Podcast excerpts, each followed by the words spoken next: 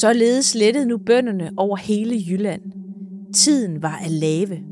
Der gik 14 dage, og flokkene rejste sig hertil og dertil, brændte og svirede og vidste snart hverken ud eller ind. Det er så sin sag, når bønderfolk bliver rykket væk fra deres sted og slynget ud på det vilde. Så længe de kender hver andre, er der en slags sammenhold, men folk fra to forskellige herreder er allerede halve fjender. Det var en fører fra først af, de manglede. Da flokkene fra hele Nordjylland havde samlet sig, tog skipper Klemen kommandoen over dem. Der var 6.000 mand med næsten lige så mange slags våben.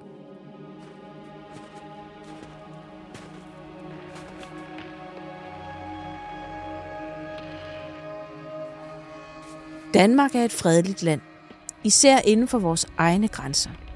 Revolutioner har vi ikke set mange af i Danmark, hvor man i mange andre lande, Frankrig eksempelvis, har været gennem bitre og blodige kampe for frihed og demokrati, er den slags næsten altid kommet som en tilnærmelsesvis administrativ ændring her i Danmark.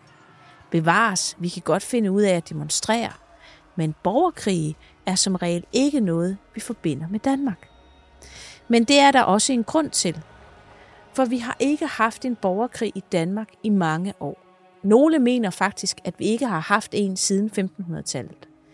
Dengang havde vi til gengæld en meget blodig og afgørende en af slagsen. Hverken kongerække eller kirke var den samme efter denne strid. Denne grevens fejde. Velkommen til Varebergs Danmarks Historie. Mit navn er Jeanette Vareberg. Jeg er museumsinspektør, arkeolog og forfatter. Og i denne podcast vil jeg, sammen med nogle af Danmarks dygtigste historikere, arkeologer og eksperter, fortæller om de mest fascinerende ting i Danmarks historie, som du skal kende for at forstå det samfund, du lever i i dag. I denne sæson tager jeg dig med til forskellige tidspunkter i historien, hvor krigen rasede herhjemme, og til voldsomme slag og fredsforhandlinger, som på den ene eller anden måde har sat deres blodige aftryk i det danske land og formet det Danmark, vi kender i dag. Det var en krig mellem samfundsklasser og trosretninger og mellem konger, bønder, borgere og adelige. Vi stiller skarp på stormen på Aalborg i 1534. I nord står skipper Klem med sin hær af bønder. Sydfra nærmer Rensavs adelshær sig med hastige skridt. Lyt med og hør, hvem der sejrer, når slaget om Jylland skal stå. Og til det her skal jeg tale med dig, Jakob Ørnbjerg. Du er kulturhistoriker, og så er du fra Aalborg. Og du er ekspert i lige præcis Grevens Fejde. Velkommen til Varebergs Danmarks Historie. Tak for det. Passagen, jeg startede med at læse op, er fra Johannes V. Jensens bog Kongens Fald. Vi befinder os i Danmark i 1534. Danmark er splittet i to. Bønderne har rejst sig, og adelen vil slå oprøret ned. Jakob, vil du forklare os, hvordan Danmark er havnet i den her situation? Jeg ved, det er kompliceret stof, men kan du hjælpe os igennem det? Prøv i hvert fald, vi kan sige, at vi skal opsummere situationen, Jeanette, så kan vi kalde den her konflikt Grevens Fejde for Game of Thrones, bare uden drager. Fordi det drejer sig nemlig om øh, lidt, lidt samme plot, kan man sige, som tv-serien, forstået på den måde, at det er en kamp om mellem forskellige familier, om hvem der har retten til tronen, altså i det her tilfælde Danmarks trone. Og hvis vi skal prøve at opsummere situationen, øh, nu starter vi ud i 1534, men vi skal, vi skal prøve at forstå hele konceptet sådan i kortfattet, så skal vi rulle udviklingen 14 år tilbage til 1520. For der har Danmarks daværende konge og den sidste regerende fyrste over Kalmarunionen, altså det vi kender som Danmark, Norge og Sverige, med et slag besluttet sig til at få ryddet op i Sverige en gang for alle. Og det udvikler sig så til det, som vi kender som øh, det stokholmske blodbad, hvor Christian den anden slagter øh, 90 medlemmer af den svenske elite, altså adelsfolk og biskopper osv., på Stortorvet i Stockholm. Det var simpelthen, han gjorde kort proces, ja. øh, og, og synes han skulle have mere magt over svenskerne. Ja, det var, det var, det var planen om det. Altså, få nakket svenskerne, og så vi kan få styr på unionen, så jeg kan fortsætte det her projekt med alle tre riger samlet under min hånd. Var det et smart træk nu, når vi kigger tilbage i tiden? Nej, det er faktisk der, han, han taber det hele på gulvet, kan man sige. Forstået på den måde, at øh, svenskerne bliver selvfølgelig enormt sure over det her. Altså tværtimod, altså, som øh, Johannes V. Jensen også er inde på i, i øh, kongens fald, så skulle Christian II måske virkelig have slået flere svenskere ihjel, for at have fået styr på den situation. Det får han så ikke nu. Der kommer oprør i Sverige. Øh, hvis man skal bekæmpe et oprør, så koster det penge. Christian II han udskrev flere skatter hjemme i Danmark. Det betyder med, at borgere og bønder de bliver sure. De brokker sig mere og mere det, det er dem, se, der skal betale Det er dem, der betaler festen. Dem, der ja. betaler festen. Samtidig kan du også se, at øh, den danske adel, som i forvejen er træt af Christian II, fordi han konsekvent blander sig i alting og er ret emsig i forhold til deres privilegier, de er også ligesom begynder at samle sig. Og endelig så har vi også en udefra kommende magtspiller, den nordtyske handelsfederation. Han til stederne, der med Lübeck i spidsen, også gerne vil blande sig i den øh, indrigspolitiske situation i Danmark med henblik på at få styr på deres handelsrettigheder her i landet. Udover det, så er vi også på det tidspunkt her i historien, hvor at øh, Martin Luthers kritik af den katolske kirke, netop ved hjælp af den nye bogtrykkekunst, altså datidens øh, massemedie, det vokser i styrke og flyder ind over Danmarks grænser.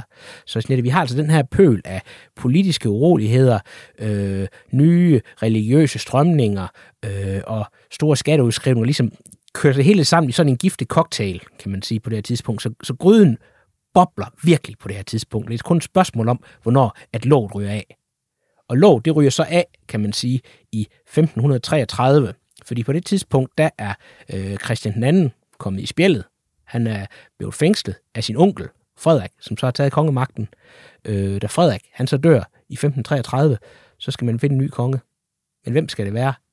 Christian II, øh, han sidder fængslet, men han er stadigvæk en potentiel kandidat, især for bønder og borgere, som godt kan lide, at han langt ud efter adelen især også for hansestederne med Lübeck i spidsen, fordi de har en idé om, hvis vi støtter ham, så øh, kan vi måske få vores handelsrettigheder i Danmark tilbage.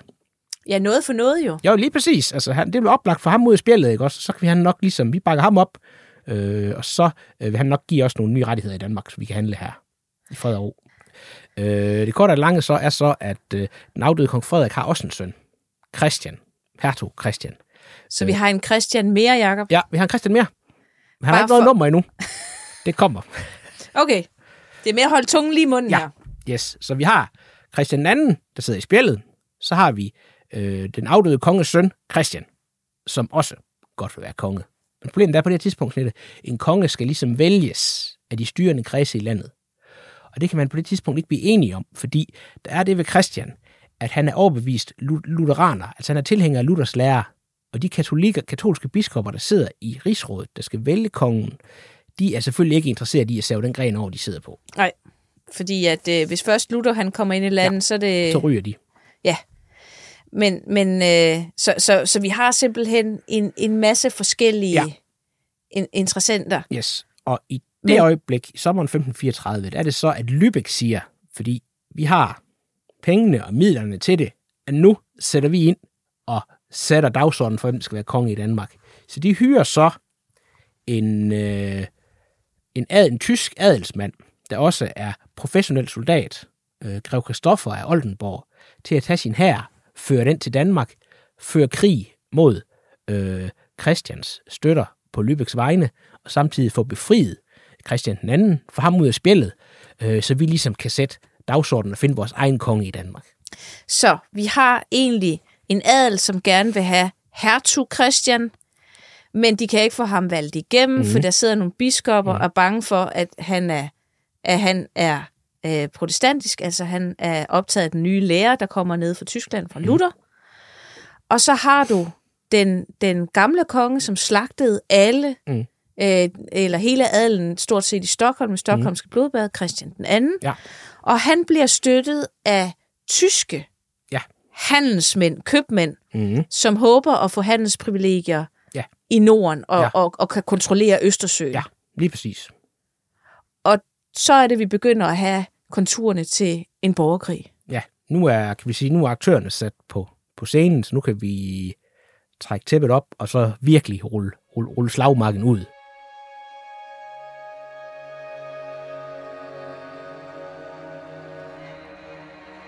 Grev Christoffer Oldenborg, han er så professionel kriger. Ja.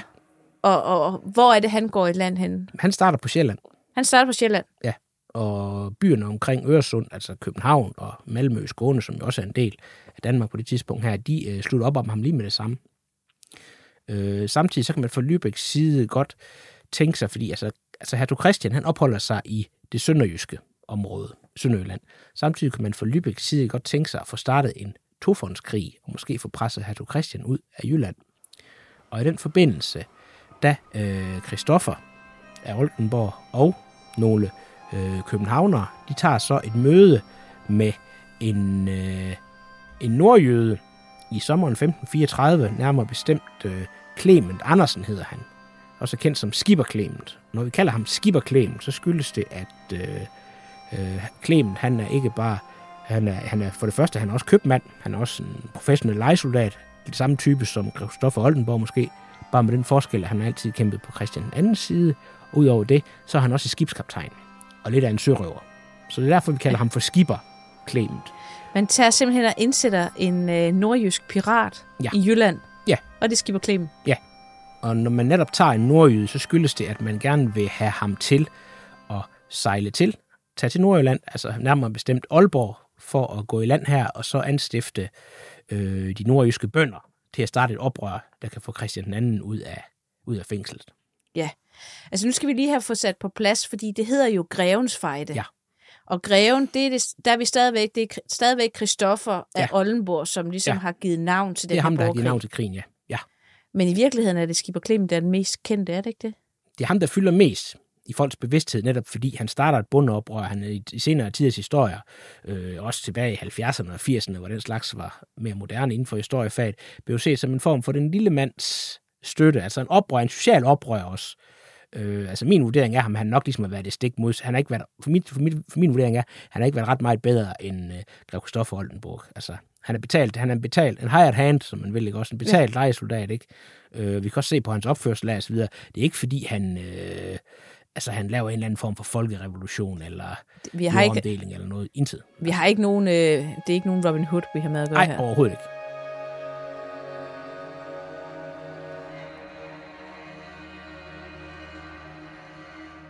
Men hvordan samler han så de jyske bønder til oprør? Der skal jo alligevel lidt til at få dem... Altså, nu kender Ja. ja. jeg jo selv nogle jyder, jeg bor jo selv i Jylland, ikke? Ja, ja. Og få fyret op under dem, hvordan gør ja. han det? altså, altså rent lavpraktisk, så gør han det, at i øh, september 1534, der, går han, der sejler han til Aalborg og går i land. Med nogle, han har nogle professionelle soldater med også selv, med to skibe, går i land i Aalborg. Øh, og så derfor så samler han ligesom, han er også lokalkendt, han er Vendelbo, han kender folk i området og sådan ting. Så samler han så, altså dels ved en del gyldne løfter, kan vi se, men faktisk også ved en del trusler. Altså, hvis I ikke går med mig, hvis I ikke er med mig, så er I imod mig. Øh, så samler han faktisk bønderne i området, altså nord for, nord for øh, Limfjorden, det er definitivt for en fynbo som dig, så vil det være Thy, Vendsyssel og så videre, de områder der, samler dem under sig, og så får dem med sig.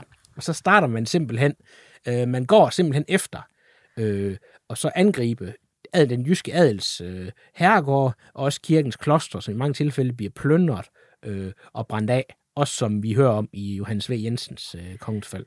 Ja, og der har man jo ligesom også en idé om, at, øh, at tanken om at få lov til at komme efter de her klostre, Ja. det har jo også tiltalt en del. Det er ikke? klart, men det, det, skal også, det er også vigtigt at pointere, at når de her bønder gør oprør, så er det ikke fordi, at de i forvejen er underkudet. De bønder, vi har at gøre med heroppe i Nordjylland på det tidspunkt, øh, rigtig mange af dem, det er selvejere, det vil sige, de ejer deres egen jord, deres egen gård. Øh, de, Nå, så de, de har handler fået- også, altså de handler med okser, kan vi se. Øh, de har penge på kistebunden. Der er mange af dem, der faktisk også øh, handler en del med Norge, forstået på den måde, de sælger nordjysk korn til Norge og henter tømmer med tilbage. Så det er selvbevidste folk, Så der, de har simpelthen griller i hovedet, de vil have mere. Ja, eller de vil have deres, de, de, ja, de vil have mere, eller også vil de sikre sig det, de har.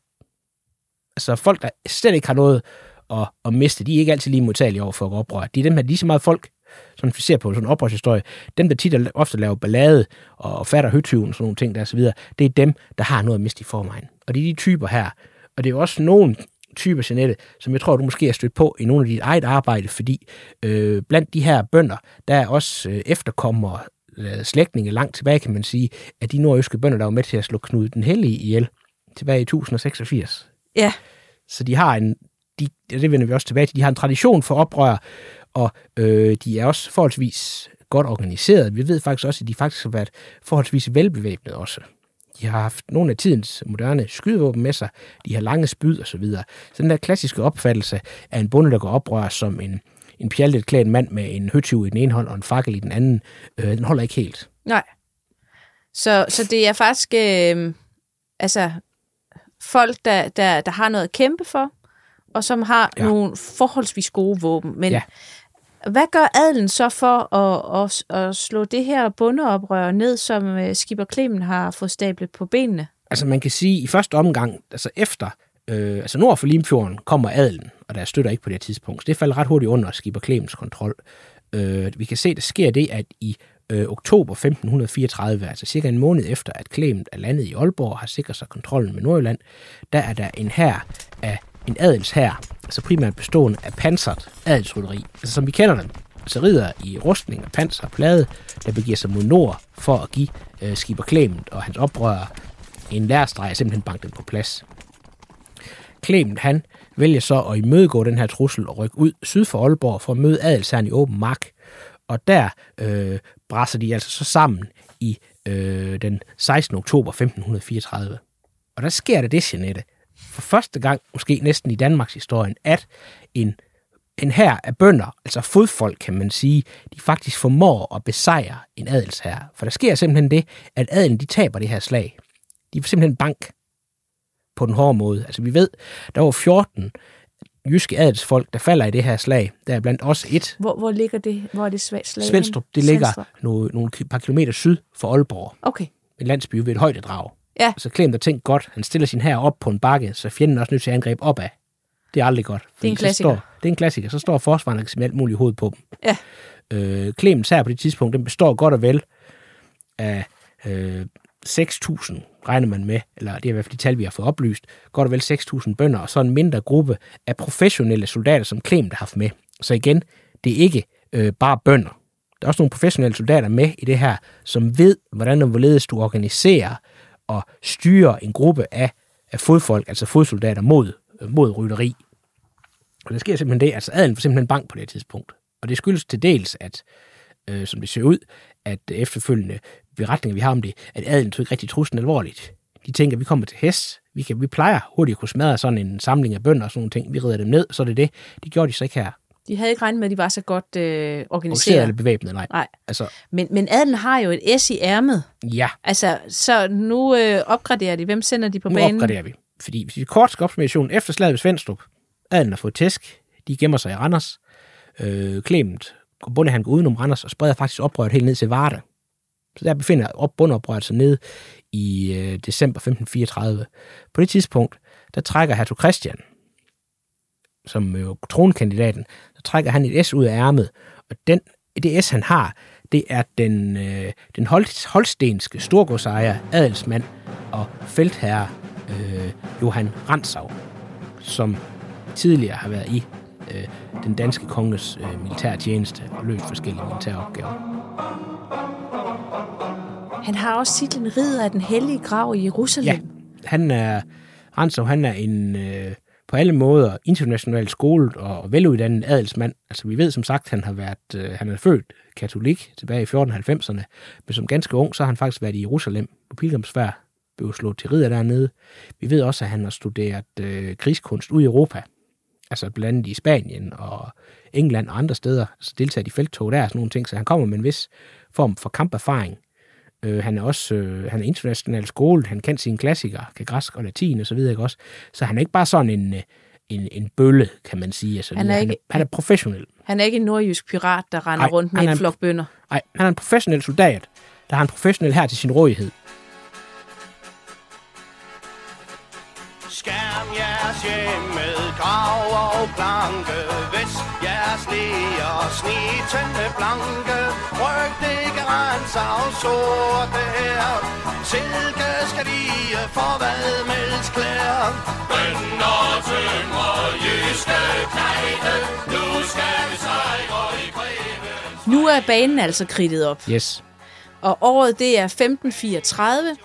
Nordpå står den jyske købmand Skipper Clemen med sin oprørshær af bønder, og sydpå indleder den holstenske feltherre Johan Ransau med sin adelshær sit jyske felttog.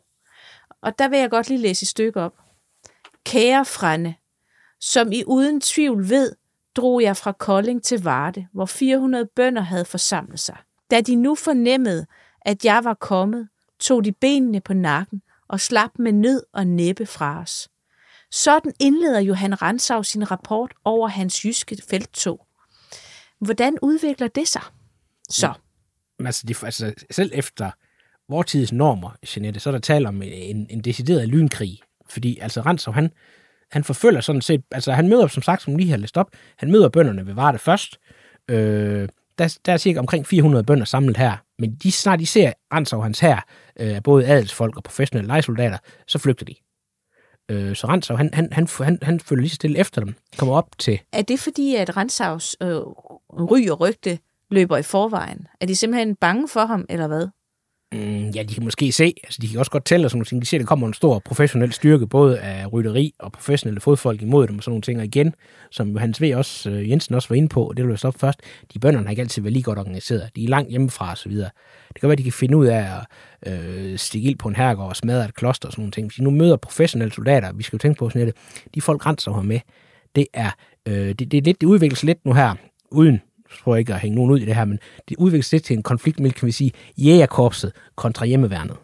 Og vi ja. har Rensov som, som jægerne, og så øh, bønderne som er som de her lokalt forankrede forsvar osv. Så, øh, så vi kan se, at altså, bønderne tænker, da de kommer til Skjern Å, en af de største åer i Jylland, både bred og dyb, der tænker bønderne, at øh, hvis vi fjerner broen over Skjern Å, så kan Rensov ikke komme efter os.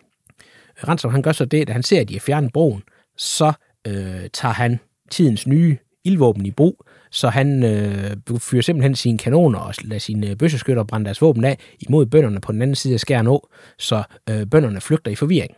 Fordi som Rensov også skriver i brevet der, øh, jeg kunne måske godt have sendt mine folk ud i åen, men det var både dyb, og det er koldt, og det er ved vintertid osv., så, videre, så øh, det vil jeg egentlig ikke spille, spille liv på, så vi, vi, vi øh, sætter vores artilleri i, i sving i stedet for, og så jager vi bønderne væk på den måde. Og det virker.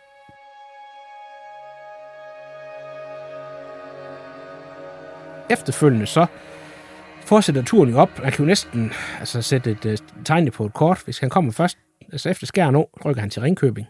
Den er byen, den er tom. Så venter han der. Derefter så rykker han videre øh, til Holstebro. Der har godt nok været cirka 5.000 bønder samlet før, siger han. Altså, vi har ikke talt præcis vel. Øh, bønderne, de flygter igen. De trækker sig tilbage mod Viborg. Øh, der når Viborg så, øh, altså vi skal se sådan lidt, de her mellem fra han ankommer til Varde, og så til han ender i Viborg den 13. december. Øh, det er cirka en uge, tager han. Hvor er Skipper Klemen i alt det her? Jamen altså, han, det sidste vi hører til ham, det er, at han omkring, øh, han skulle opholde sig ved, øh, i Viborg sammen med hans folk, men da de trukker væk fra igen. Altså, det, det er ren, lyn, det er en ren lynkrig. Du kan se, hvis du tager sammenholdet datoerne, og så tager et kort over Jylland, du kan se, Ransom, han ruller lige så stille. Det er ligesom, du ruller et gulvtæppe sammen presser dem længere og længere og længere tilbage hele tiden osv. Og, og han er også effektiv, for det han gør undervejs, det er så, når han besætter en by, så tvinger han lokalbefolkningen til at sværge troskab til hans arbejdsgiver, altså Hertog Christian. Men, men hvad, altså, det er jo en voldsom forandring fra først, hvor, hvor det egentlig er bønderne, der sejrer mod de ja. der panserbeklædte rytteri ja. og adelen, der kommer. Ja. Og så har du sådan en ridder af den hellige grav i Jerusalem, ja. der er internationalt ja. uddannet mand, ja. Og så, så vender han billedet fuldstændig. Altså, ja. hvad sker der? Han er professionel. Han har professionelle folk med. Vi kan også se, altså der vi skærer nu, efter her, at bønderne væk, så bygger han en ny bro over. Altså, han er ikke sådan, han er en professionel soldat på mange måder, ikke også? Han tager ingen chancer. Han, vi kan også se i hans jyske feltog, når i forhold til skrivelsen og så videre, han bruger hele tiden spejder. Der er hele tiden fortruppen for at holde øje med, hvor er bønderne hen, hvor befinder de sig hen og sådan nogle ting her. Så lige så stille, så trækker han sig op, og så sørger han jo så netop for, øh, under selvfølgelig, under trusler om seriøs trusler om vold, og så får de øh, tilbageblevende til at sværge troskab. Igen overgive sig uden kamp og så videre. Så han er jo heller ikke sådan en, han tager ingen, han tager ingen unødvendige chancer. Og det øh, fremgår også tydeligt, når vi nu her om lidt kommer til øh, finalen, kan man næsten sige, nemlig storm på, på selve Aalborg. Ja, fordi det er jo sådan set det, vi, vi, vi bygger op til, fordi Skipper Klemen, han, er, han sidder i Aalborg. Ja. Og når Ransau, han når Aalborg med ja. sin lynkrig. Jeg har faktisk øh, den rapport, som du siger, som du også øh, henviser til, ja. som øh, Ransau han ja. skriver. Så øh, beskriver han den efterfølgende storm på Aalborg den 18. december 1534, og her der læser jeg op. Her tog jeg mine officerer med og undersøgte Aalborg om natten ved måneskin, og da vi havde beset den, besluttede vi, at vi om morgenen ville spise en morgensuppe med den og ordnede vores ting på den måde, at både ryttere og landsknægte skulle storme. Der kunne vi høre, hvordan de derinde arbejdede med befæstningen. Og den, der var med ved Aalborg, vil sige, at de havde befæstet den med magt. Da begyndte vi at storme. Prøv at beskrive den her morgen. Hvad sker der, og hvad betyder det at spise en morgensuppe? det sker jo, hvis vi sådan skal kort skal opsummere det Jeanette, så ankommer Ransav til øh, op, Aalborgs opland uden for Aalborg godt og vel den 17. december. Øh, og igen, han er professionel soldat. Han tager ikke nogen chancer. Han lader ikke bare sin her bræs direkte på Aalborg. Han slår lejr. Og så om natten, da det er mørkt og ved måneskin, så kravler han og hans officerer så tættere på byen for ligesom at inspicere befæstningsværkerne og se, hvor de muligvis skal sætte angrebet ind. Alt tyder i den forbindelse på, at man har valgt at angribe byen fra vest, altså ud hvor landevejen ned fra Viborg og så videre, ligesom går ind i byen. Øh, og det her med morgensuppe, det er en øh, lidt kæk, kæk øh, 1500-tals slang, kan man sige, fordi det her Ransom egentlig siger, det er jo så, at øh, i morgen tidlig, så vil vi spise morgenmad med Skipper Clement og hans folk, ikke også? Altså under, underforstået. Altså vi tæsker dem i morgen. De får nogle bank i morgen, og de får lov at betale regningen for det her og så videre. Det er det, der, det er det, der ligger i det. Men øh, det er jo dybt, igen, det er jo, han er jo dybt professionel. Han inspicerer befæstningsværkerne først og timer det, og så øh, afholder krigsråd med sine officerer enige om, vi har din her, og på det tidspunkt er Ransom cirka en styrke på lidt over os, godt og vel, 4.500-5.000 mand med sig, ikke også, og siger, vi sætter hele styrken ind. Og hvor mange er der i Aalborg? Det har vi ikke noget tal på, men øh, vi har en formodning om, fordi vi er belært af erfaringer fra tidligere nordjyske bundeoprør, så ved vi, at bønderne, når de begynder at blive presset og sådan nogle ting, så mange af dem, de siver lige så stille, kan man sige. De får lige pludselig travlt med andre ting og smutter. Og man kan så sige også, sådan, at hvis du har Danmark igen, hvis du har et nordlandskort i hovedet, så ved du også godt, at Aalborg ligger lige på kanten af Limfjorden. Så ja. hvis du først kommer over fjorden, så er du måske nogenlunde sikret. Hvis du ikke kommer over fjorden, det vender vi også tilbage til om lidt, så har du et problem. Og ja. der er virkelig tale om problemer her. Fordi nu kommer stormen jo så. Ja, og, og Skipper Klim, han har jo den, øh, det problem, at det kan måske godt være, han har jo også selv været legesoldat og så videre, ja. men det er den styrke, han kommanderer jo ikke. Ikke det hele i hvert fald. Men der er vel heller ikke nogen konsekvenser for bønderne, hvis de deserterer? Det ved vi simpelthen ikke. Altså, vi ved tidligere, at han har, han har troet folk med, som ikke vil slutte sig til ham, så vil de blive hængt. Men okay. på det her tidspunkt er han jo brug for hver, for hver en mand, han kan skrabe sammen, når man skal tænke på, der bor også, øh, men der bor mange mennesker i Aalborg også. Det er et spørgsmål om, hvad de har gjort. Om de har valgt at blive i byen, eller for ligesom at redde, i håber om at redde, hvad de har, der reddes kan, eller om de også ligesom er, er stukket af og flygtet på forhånd. Der er, heller ikke nogen, øh, der er heller ikke noget håb om, at der vil komme nogen og hjælpe dem. Altså, der er jo, Nej. det hedder jo Grevens Fejde, men han er på Sjælland, eller Han er hvad? på Sjælland, og Fyn optaget andre steder. De får ikke mere, altså, de får ikke mere assistance. Så de er simpelthen alene ja. mod... De er fanget, ja. I en by. Mod Rensavs her. Hvor du har Limfjorden i ryggen, kan man sige.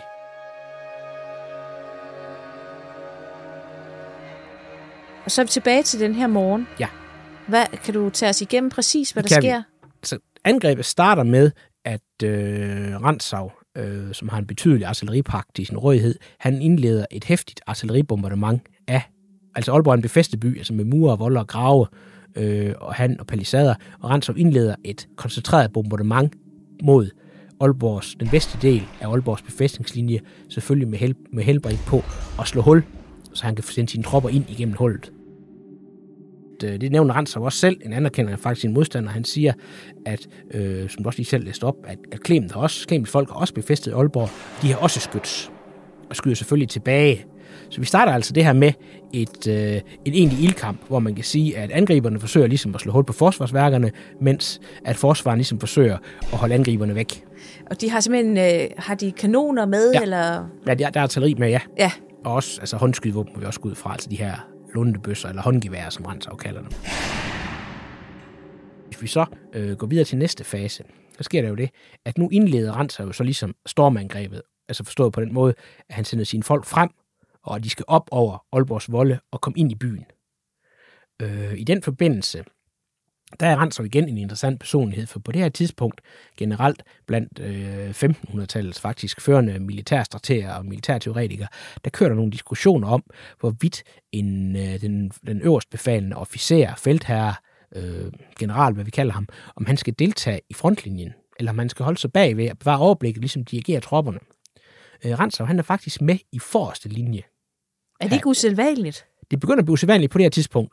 Du har nok nogle øh, vikingekonger, kunne jeg forestille mig, der tidligere ikke har haft så meget imod at stille sig i front, men på det her tidspunkt, der begynder det at blive anderledes. Ej, der er faktisk mange af dem, der, der Ja. holder sig bagved, fordi ja. at man ligesom skal ja. lede tropperne men, frem. Men ikke? ret som han går frem, ikke også? Det siger måske også lidt om hans lederegenskaber, ikke? Altså, han, han selv går frem i forreste linje, og det er faktisk ved at få ret fatale konsekvenser for ham, fordi han bliver faktisk væltet ned af volden og bliver ramt i armen af et sværhug, eller et, øh, en armbrystbold, eller en kugle, eller hvad det nu er, og faktisk nede og blive forbundet. Ikke også? Han, han, han får en ordentligt sår i armen og bliver forbundet. Der skulle man egentlig tro, at han måske så vil holde sig tilbage. Men nej, han er med op over volden igen. Bagved de glitrende hjelme Skjuler sig bange, skælvende skælme Djævelen selv har den givet til pynt skjolde og hvordan er det? Prøv, prøv lige at, at, at, at fortælle os, hvordan er det at stå egentlig neden for de her mure og kæmpe sig op? Hvad er det, man kæmper imod? du kæmper imod. For det første, altså igen, som vi snakker om før, også ligesom slaget ved Svendstrup, altså din, øh, din modstander, de står højere end dig, på et højere, på et højere niveau end dig. De kan smide alting ned i hovedet på dig, altså, altså sten, bjælker, altså projektiler af enhver art selvfølgelig også, og så videre. Kogende olie? Nej, det tror jeg faktisk ikke så meget på, fordi det har, taget, det har været en stor ressource, at tage lang tid at få den varmet op og have den klar og sådan nogle ting der. Men de kan smide alt muligt andet efter dig i hvert fald, ikke? Jo. Og du skal op ad bakke også. Det er Ja. altid lidt træls. Og du skal også tænke på, mange af de her krigsfolk, de er også godt pansret, ikke? Så det er tungt også. Så de har simpelthen en slags rustning på, eller hvad? Flere, ja, altså flere af dem har altså ikke, ikke sådan helt tungt, men altså lettere brystpanser, stormhatte, kan man sige, eller jernhatte, om man vil, Ja, øh, og hjelme og så videre, ikke også? Altså, det har de stadigvæk haft, og så selvfølgelig de her tyske landsknægte, øh, de kæmper måske i form, altså sådan med, med læder brystpanser, altså ligesom en form for en primitiv form for skudsikker vest eller et eller andet, som selvfølgelig ikke altid har, har virket. Men det er ikke nemt. De skal op ad bakke, og de skal ind og ned, kan man sige. ja. Så det er besværligt. Men du kan sammenligne det lidt med, øh, med sådan, sådan en storm på sådan en vold, hvis du har en, øh, en kraftig gren på et træ, du skal til at brække af. Altså, du ved godt, du trækker frem og tilbage og så videre. Så det sidste, så, for det sidste brist, så ryger den. Men mindre du Ja. slipper for tidligt, så får du den tilbage i hovedet. Og hvad sker der så her? Bryder de igennem Skipper De Clemens bryder, de bryder, øh, forsvar? igennem, de bryder igennem og kommer til rense sig selv øh, og kommer ind i Aalborg. Og derfra så øh, går der jo fuldstændig til den. Fordi det vælter, det vælter ind med folk, soldater, der vil ind i byen, og det vælter også rundt med folk, øh, der forsøger at komme væk eller komme ud af byen. Altså, du har en blanding af både af militærfolk, civile, kvinder, børn, husdyr, heste, alverdens. Det er et stort kaos, det her, øh, i den næste fase. Men de trænger sig ind i byen, kan man sige. Bliver det så en bykrig? Eller hvad sker der derinde? altså vores øh, det bedste, det er jo så her, at man kan sige, at øh, de skriftlige kilder for mig som historiker, de begynder at tørre ud, men hvor vi så øh, må tage arkeologien til hjælp. Fordi... Det er nemlig godt at have arkeologer, ikke også, Jacob? Jo, jo, jo, jo, jo, jo, jo, jo. Så længe det kun er, er stolpehuller og sådan noget, så er de rigtig fine at have med.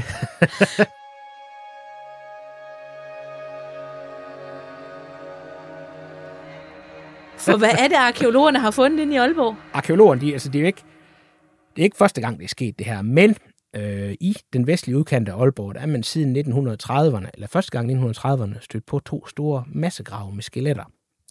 Øh, og tilbage i øh, 2014, 15 og også dels her i 19, altså blot for et par år siden i forbindelse med nogle rør- og anlægsarbejder, øh, der dukkede der altså endnu sådan en massegrav op, hvis indhold af skeletter efter alt at dømme kan dateres til grevens fejde, netop på grund af så videre af den. Og man ved, at man tidligere har fundet øh, massegrave i det område. Hvad er det for nogle skeletter, man, f- f- fordi, man finder? Fordi det siger jo noget om, hvad man har med at gøre, ikke? Ja, altså der er i hvert fald der er 28 skeletter, som vi helt konkret kan sige øh, har været, eller vi har 28 skeletter hele af dem, så ved vi, så godt og vel, siger eksperterne i hvert fald, er 27, der har været mænd, det vil sige en alder mellem 18 til 40 godt og vel. Du ved selv, men arkeologer, de arbejder med sådan nogle knogler og sådan ting. Det er sådan det, vi antager. Så er der en enkelt, Ja. en enkelt teenager igennem, mellem os på mellem 14 og 15 år. Så er der også en del øh, løse knoglerester for godt og vel 14 andre skeletter, som ikke helt kan sætte sammen. Kan Det er jo sige. sådan, det er, nogle, det er nogle gange lidt noget roderi med sådan nogle massegrav. Ja. Og hvis man så også har, har, har ryddet en slagmark ind i Ja. byen, så er der også Ja. røget nogle Ja. hænder, løse hænder fødder, ikke? Også, lige præcis, lige præcis. Men altså det, som eksperterne kan sige, altså dem, der har forstand på lave sådan nogle analyser af knoglemateriale, isotopanalyser osv., de siger, at det her, det er, øh, det er nordjyder, der ligger her. Og det kan man jo sige, altså isotopanalyse, det betyder egentlig, at man kan i kernen af, af en tand eller i en øreknogle, en pars protrosa, der kan man gå ind og se på strontiumisotopernes øh, værdi, om vedkommende er vokset op og har boet mm. et bestemt sted i Danmark. Mm. Og, og det bliver mere og mere finmasket øh, net, ja. så, og det har man simpelthen været inde og undersøge. Jeps. Og, øh, så, det, så det er efter alt at dømme. Altså, det er jo ikke, vi ved jo, Rens, og han har primært havde, det kan godt være, han har godt en haft nogle nordjyske adelsfolk med i sin her, så videre, men ellers så var det jo primært faktisk tyskere, han kom med. Ja, så derfor så kan man jo se, at det ja, så må det jo nok, så er det jo nok sandsynligvis, øh, så er det nordjyder, det var Clemens folk, kan man sige. Om det så har været bønder eller borgere og så videre, det kan vi ikke, altså det er svært at vurdere. Præcis. Men, men, men der er jo no, man kan jo også se nogle skader på nogle af Ja. de her skeletter, ikke? Altså i hvert fald 15 af de her skeletter, de har nogle ret omfattende skader efter hug og slag og stik, altså på kranier og knogler. Øh, og det er jo nok sandsynligvis kun toppen af isbjerget, fordi, øh, det ved du også, Jeanette, altså sådan noget, altså sådan sår og skrammer på bløddele, øh, det er væk. Altså man kan sige faktisk, hvis man er en dygtig bueskytte for eksempel, eller skytte, så skal man helst ramme de steder, hvor der ikke er knogler. Jamen lige præcis, ikke også, i de bløde. Ja, eller maven, eller nogle andre steder. Ja. Øh, det, men det vi så kan se, det er altså, at øh, de her skader, de er, altså, altså det er hug, som sagt, det er hug, det er slag, det er stik og så videre, det er efter alt, det er sandsynligvis er påført, det er påført med blankvåben, altså det er ikke brugt, vi kan ikke se spor af, af altså der er ikke fundet musketkugler i det her eller nogen ting, så det er spyd, det er slag og hug, og så står der påført med blankvåben, hvad enten det så har været tohåndssvær, eller korte hugsvær, eller økser, eller dolke, og dertil er der også flere skeletter, der udviser tegn på, at der har været brugt forskellige stikvåben, som altså piker, de her lange spyd, ja. altså flere meter lange spyd, og muligvis også hellebarder, altså det her kombinerede hug, stik- og slagvåben, der kan hive en rytter af hesten, og faktisk også skal mere eller mindre, hvis den bliver brugt ordentligt, også skal skære benet af en hest, næsten forbenet af en hest, hvis det er. Det er nogle voldsomme våben, du Ja. der list, øh, lister op. Ja. Og, og, og hvad siger de skader om Renshavs angreb? Jamen, det interessante er, at man kan se, at på flere af de her skeletter, øh, de her, hug, de her huglesioner på underbenet, altså det nederste ben under knæet og sådan nogle ting, der er. Man spørger, hvorfor de kom der. Det kan selvfølgelig være, fordi der har været ryttere involveret, det ved vi, der har været. Men en anden, min tese, det hælder lidt til, at øh, de her folk, der ligger i massegraven, de har stået på volden og forsøgt at vælge Renshavs folk ned. De kommer jo nedefra på vej op, så når de er på vej op over volden, så har de selvfølgelig langt ud efter, hvad de ligesom kunne nå af deres modstandere osv. Så de har selvfølgelig hugget dem eller væltet dem i benene og sådan noget. Der er Så også er flere af dem her, kan vi se, som faktisk har stiklesioner, altså i panden, øh, i underkæben eller halsvirvlen. Og det er jo også interessant, interessant i forhold til det her med, at vi befinder os tæt på byens daværende middelalderlige befæstning osv., øh, og vi ved, at det har talt om forsvar, fordi så kan man sagtens forestille mig, det har vi i hvert fald afbildninger af andre steder fra, at Renshavs tropper har lange, de her lange spyd og piker langt dem op efter. De er simpelthen ramt. Ja. dem op under, altså kom nedefra op. Så, Så hvis man sådan som øh, øh, bundesoldat der har Ja. stukket snuden ud over Ja. volden, Ja. så har man simpelthen fået et Ja. af de her voldsomme ja. våben lige op i, Ja. øh, i Altså, underkæben. de kom nedefra op. ja, Og man kan også sagtens forestille sig, dem, der er så ramt i panden og sådan nogle steder, øh, det er måske nogen, der, der har det jo så været talt om konfrontation. Altså, og, og nærkamp, det er jo aldrig bare mand mod mand. Det kan være to mod en, tre mod en, tre mod to og så videre, ikke også? Der er nogle af dem, de er jo ramt lige i skallen. Ja. Så der kan man, det, det kan ikke afvises, at nogle af dem måske virkelig har forsøgt at overgive sig, men så de lige har fået den lige i panden alligevel. Så det har været et helvede op på de mure. Det har været voldsomt. Det har været vold. Jeg har også, det kommer ned i byen bagefter. Altså, mange af de her skeletter kan, kan man jo se, siger eksperterne, at øh, hvis de bare blev ramt en, hvis de bare får et af de her hug eller slag, så har de jo ligget der. Men de har fået flere. Altså mange, ikke også? Så der er det, som vi kalder overkill. Ja. Altså, sandsynligvis, ikke også? De har været op at køre og ikke kunne stoppe igen. Ja, så tænker man også, det er set andre steder fra, i sådan et tilfælde der, især også hvis det er i bykamp og sådan nogle ting, at folk forsøger at overgive sig, så klumper de sig måske gerne sammen. Sådan ligesom for at søge dækning, beskyttelse og sådan nogle ting, og så modstanderne, så er de til at have med, så er de langt ind i flokken, kan man sige. Så er der røgt nogle stykker der også. Ja.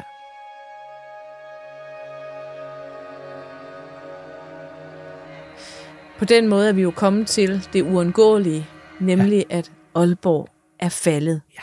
Og Rensau, han er sejrsherre. Og hvad sker der så med vores nordjyske pirat Skipper Clemen? Jamen, han stikker jo af. Han flygter jo faktisk mod øst, ud af byen, og når faktisk så langt som til en lille, en lille flække, en lille landsby længere mod øst, der hedder Storvorte. Ja, og der er der jo nogle historikere, der vælger at slå sig ned. Ja. Af, af den grund, Jacob. Nej, bestemt ikke, men det forholder sig sådan, at jeg fra min hæk, og jeg en sjældent gang klipper den, kan se direkte over vejen, så kan jeg se en grund overfor. Øh, den er væk nu, men den ude i, dengang Skipper Clemen kom til Storvorte, der gemmer han sig derude, og det er øst, det er det, der lige, ikke så langt fra Limfjorden af. Så hans håb har sandsynligvis været, at han kunne finde skibslejlighed ud og komme væk. Måske til København eller nogle ting der. Ja. Men der er sådan en lokal bonde i Storvorte, som jeg ikke har nogen familiære relationer til overhovedet, som så vælger at arrestere øh, Skipper Clement, og så angive ham og aflevere ham til Johan Ransau. Og til gengæld som belønning, der får den her bonde en gård, frit, kvitterfrit i Storvorte. Og øh, der, hvor den gård ligger, den er væk i dag, men der, hvor den gård ligger, der kan den grund kan jeg se over til fra min øh, ligusterhæk. Det er Det er så- en sjældent gang er i haven. Altså, man kan jo godt få, få lidt den idé om, at, at han, han var lidt en stikker, den store bonde der, var han ikke det? Jo, men det er også sådan, det er jo det, man, det, er jo det, det ry, han har fået efterfølgende og sådan nogle ting, der er ikke også, men på den anden side, han, ham og hans familie, de får en stor gård, kvitterfrit og skattefrit, altså. Så, øh, men det, det bliver enden på historien med Skipper, eller ikke helt enden på historien med Skipper Klem, fordi man beholder ham, man slår ham ikke ihjel lige med det samme, man beholder ham faktisk som fange i to år, indtil man i 1536 øh, vælger at henrette ham nede i Viborg, og parterer ham efterfølgende, og i den forbindelse, der får På han... jul og stejle. Ja, efterfølgende, der får han også sat en blykrone på sit hoved, fordi han har jo ligesom forsøgt selv at opslå sig selv som konge af Jylland. Blykrone, hvordan gør man det? Altså, det er bare... Og det er bare en krone af bly. Okay. altså. Vi er ikke inde i Game of Thrones, hvor man, hvor man hælder øh, guld over ansigtet, Ej, ej. smeltet guld. Nej, den er væk. Den er, nej, det er sådan noget, vi ikke ude i her. Så det er Vi bare... er, vi er i Jylland. Så det, det er en blykrone, som ja. for, for ligesom at... Og, øhm, Ja. og, og, Rigtige konger har en krone af guld. ja, Sådan en blykrone, det, det, er for, det er for, det er for at gøre nej af ham, ikke også? ja, det er, det er, det er narhat, han. Ja, får på. Det var yes. det ord, jeg ledte Yes, efter. Det var yes. godt, du kunne hjælpe mig der. Men hvad gør Ransau så? Nu er Skipper Clemen, han er væk, han har fået sin blykrone og kommet på jul og stejle. Altså i første omgang, fordi spoler tiden tilbage til december 1534, så er en grund til, at øh, Ransavs tropper også måske har været motiveret for at komme ind i Aalborg, det er, at Ransav har lovet dem, at de får fri plyndring i byen. at det er altså en uskik at betale altså, ja. at give soldater løn med ret til plyndring. Det er jo derfor, soldater langt op i historisk tid har været så forhatte. Ja. Altså soldaten som held er jo et, et nymodens begreb i min mm. verden. Yes. Fordi du betalte dem ikke klingende, klingende mønt, måske lidt, Nej. men der, hvor de rigtig fik mm. nogle penge, det var, at de fik ret til at plyndre. De får de der tre dages fri plyndring i Aalborg, og i den periode, der må vi selvfølgelig forestille os, at alle verdens rædsler, det er overgået Aalborgs øh, befolkning. Øh, der er godt nok en klausul om, at øh, kvinder og børn skulle øh, skånes, men om de så er blevet det, det ved vi ingenting om. Nej. Det, man kunne frygte det værst for dem. Ja, det kunne man i hvert fald. Hvad, hvad, hvad sker der så med, øh, med Ransau? Jamen altså, i første omgang, så sætter han turen over til over Limfjorden op i Vendsyssel, øh, og tvinger alle de der bønder, overlevende bønder, til at overgive sig og betale skat til Christian den anden, og så har sådan set sikret sig kontrollen med Jylland. Efterfølgende, så renser er ikke færdig nu, fordi der er jo også oprør på Fyn, kan man sige. Så der øh, sætter han over i, øh, i sommeren 1535, og der er der så, øh, det kan næsten være, du kender lokaliteten, der står et stort slag ved den lokalitet ved Assens, der hedder Øksnebjerg, slaget ved Øksnebjerg, Yep. hvor øh, Johan Rantzau, han faktisk kæmper mod en af grev Christoffer af Oldenborgs underordnede i et stort feltslag dernede. Og igen, der viser Rantzau hans, øh, hans evner som feltherre. Altså, han gør dygtigt brug af artilleriet, øh, fordi hans, hans modstander har forskanset sig. Han skyder deres forskansninger i stykker, øh, så fjenden kommer ned og angriber ham. Øh, Rantzau, han gør så det, at han venter til aller sidste sekund, så brænder han alt sit artilleri og sit skyts af lige i hovedet på den her fremstormende fjende, og sender det igen i en kæmpe massakre. Rantzau vinder, og dermed sikrer han sig faktisk kontrollen over Fyn.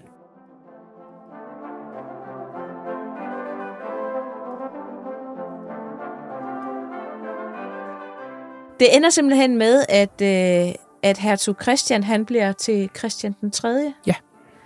Og, øh, og det er simpelthen Ransaus fortjeneste. Ja, altså det er ham, du kan sige, det, det interessante er jo, at der er, øh, der er jo faktisk to tyske øh, legetrupsfører officerer, altså Johan Rantzau og så Grev Christoffer Oldenborg, der kæmper om, hvem der skal bestemme i Danmark. Ja. Altså det er tyskerne, der afgør det faktisk. Men det er trods alt en, en, en, ja. Ja. en dansk konge, som bliver ja. Ja. hyldet på Gammeltorv i 1536. Og ved samme lejlighed, der indfører han så også den, fordi han netop han skal have penge til at betale sine tropper, blandt andet Rantzau, så gen, indfører han for den forbindelse også den protestantiske reformation i Danmark, arresterer de katolske biskopper, og sætter dem i spjældet i første omgang.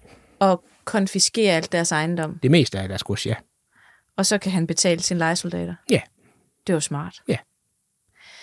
Men altså, lykkes det at slutte fred mellem bønder, borgere, adel og mellem protestanter og katolikker? Det gør det jo. Altså, du kan sige, efter grevens fejde, øh, der kan vi diskutere, om det er den sidste borgerkrig, men det er det sidste bundoprør i Danmark, det sidste voldelige bundoprør i Danmark. Altså, øh, det interessante er jo også, at det ved bønderne, bønderne har jo også selv den her oprørsstemning med sig, fordi de fortæller jo efterfølgende, at blandt andet i, øh, i slaget omkring Aalborg og stormen på Aalborg, der råbte bønderne, øh, deres kampråb, det var, at det var os, der slog kong Knud ihjel.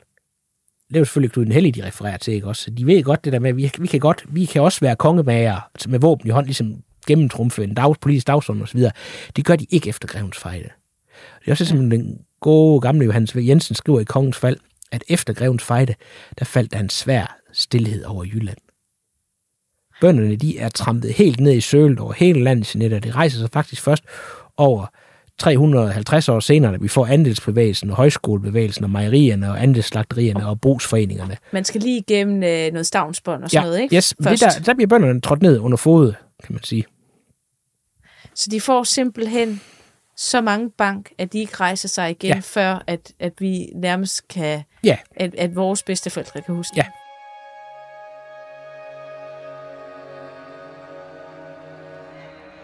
Hvad sker der med Christian den anden? Jamen, han sidder fængslet i næste fand, sidder fængslet faktisk frem til øh, både i Sønderborg, men også i Kalundborg, mener jeg, det er, frem til sin død i, i 1559. Og sådan, sådan lurer stadigvæk sådan lidt i kulissen også, fordi han har en magtfuld svigerfamilie, eller svoger i den tysk-romerske kejser, Karl den 5. blandt andet. Så man er sådan lidt bange for, om han vender tilbage og sådan nogle ting. Han er sådan lidt en, en dark horse i det der spil. Men hvad betyder det for Danmark, at øh, kongen nu hedder Christian den 3. og ikke Christian den anden? Altså først og fremmest så betyder det jo selvfølgelig, at vi får øh, indført reformation, protestantisk reformation, altså vi får en helt ny øh, trosretning i Danmark. Man kan sige også, at den, det, alt det der, den katolske kirke tidligere har siddet på, sådan et, altså med, med kunst, øh, kultur, viden osv., klostervæsen, hospitalsvæsen osv., det er ude. Kirken har heller ikke nogen politisk indflydelse længere. Altså, øh, før reformationen, det sagde de katolske bisper, der var de jo selvskrevet til at sidde i, øh, i rigsrådet. Øh, de er ude nu. Så vi står altså, efter den her grevens fejde, så står vi tilbage med et land, som har en meget stærkere centralmagt i virkeligheden. Altså du kan sige, det der, som du også, har, som jeg også kan se, det skinner igennem grevens fejl, det der med, den der, det er en helt ny form, for det nye form for europæisk krigsførelse, som vi også kender ud fra Europa, den vinder indpas i Danmark i den her periode. Det vil sige, altså koncentreret brug af artilleri, ikke også, altså kanoner, øh, også hvis din, øh, og også som øh, slaget ved Svendstrup, som vi også viser, altså den tidens øh, eliteenhed, det er ikke længere det her pansrede adelsrytteri. Det er fodfolk, helst mange af dem så muligt, ikke også, helst også bevæbnet med skydevåben og de her lange spyd, pigerne, der kæmper i store, sammensluttede, tætte blokke under ledelse af professionelle øh, officerer. Og det her, det er det ikke enhver, der har råd til at gå ud og betale for. Det er faktisk kun de europæiske konger, fyrster og sådan en som Christian 3., øh, der har råd til, og er også, der har pengene til det, og også administration til ligesom at opretholde det her apparat.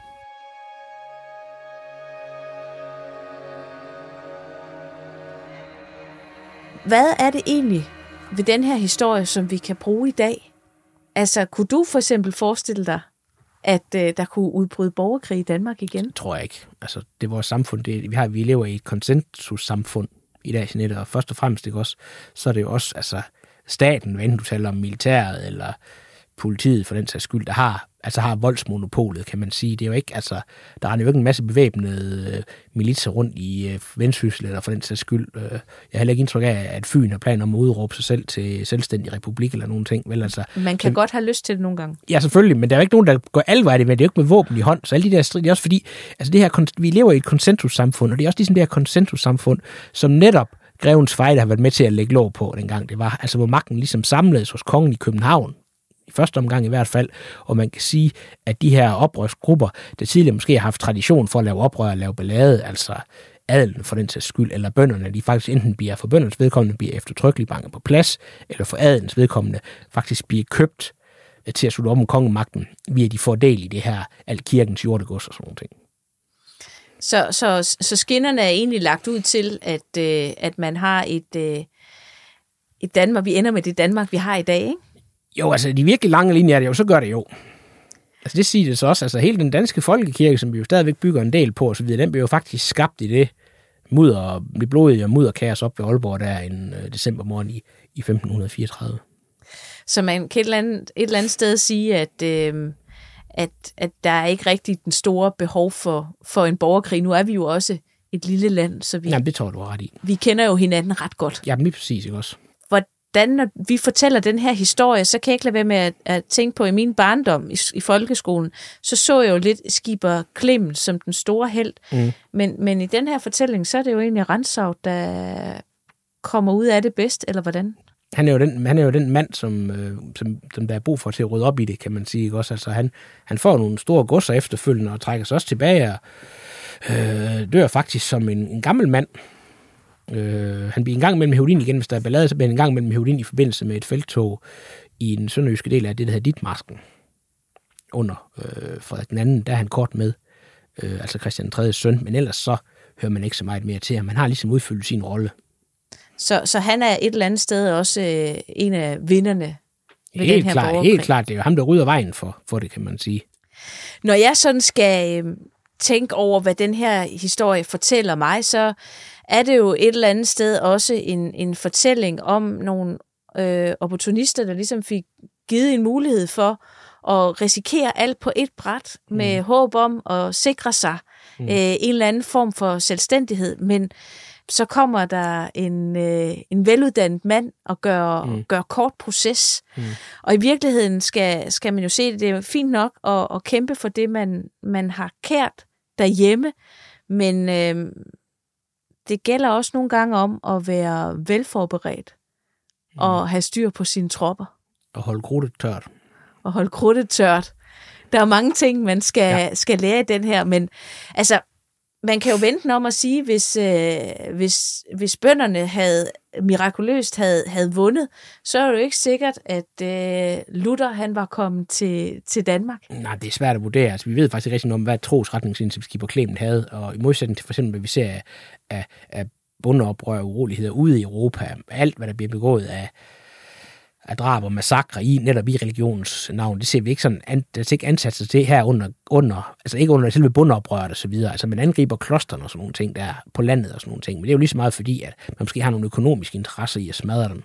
Så det, du fortæller mig, det er, at øh, vi var ikke særlig religiøse heroppe i Danmark. Vi var lidt mere praktisk Øh, det er svært at sige, altså i byerne er der helt klart været en religiøs fraktion, det ved vi. Altså folk, der slutter op om Luthers lærer og sådan nogle ting, men generelt, ligesom Luther også var inde på, altså mange steder rigtig træt af den katolske kirkes øh, korruption og magtmisbrug osv. Men det der med, øh, sådan, det ved vi også fra andre, andre begivenheder i samfundet osv., en trosretning skifter jo ikke fra den ene dag til den anden.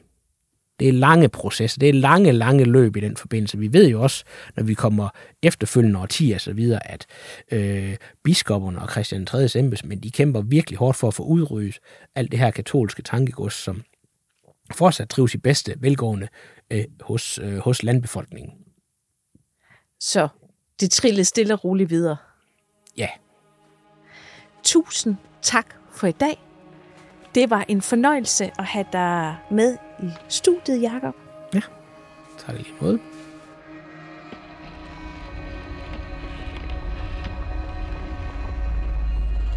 Mit navn er Jeanette Varberg, og du har lyttet til Varbergs Danmarks Historie, produceret af Jule Brunse for Vores Tid og 24-7. Tilrettelagt og produceret af Luna Lam og Nikolaj Sørensen. Redaktør er Lukas Francis Klaver. En særlig tak til kulturhistoriker Jakob Ørnbjerg. Find podcasten på 247.dk, vorestid.dk eller der, hvor du normalt finder dine podcasts.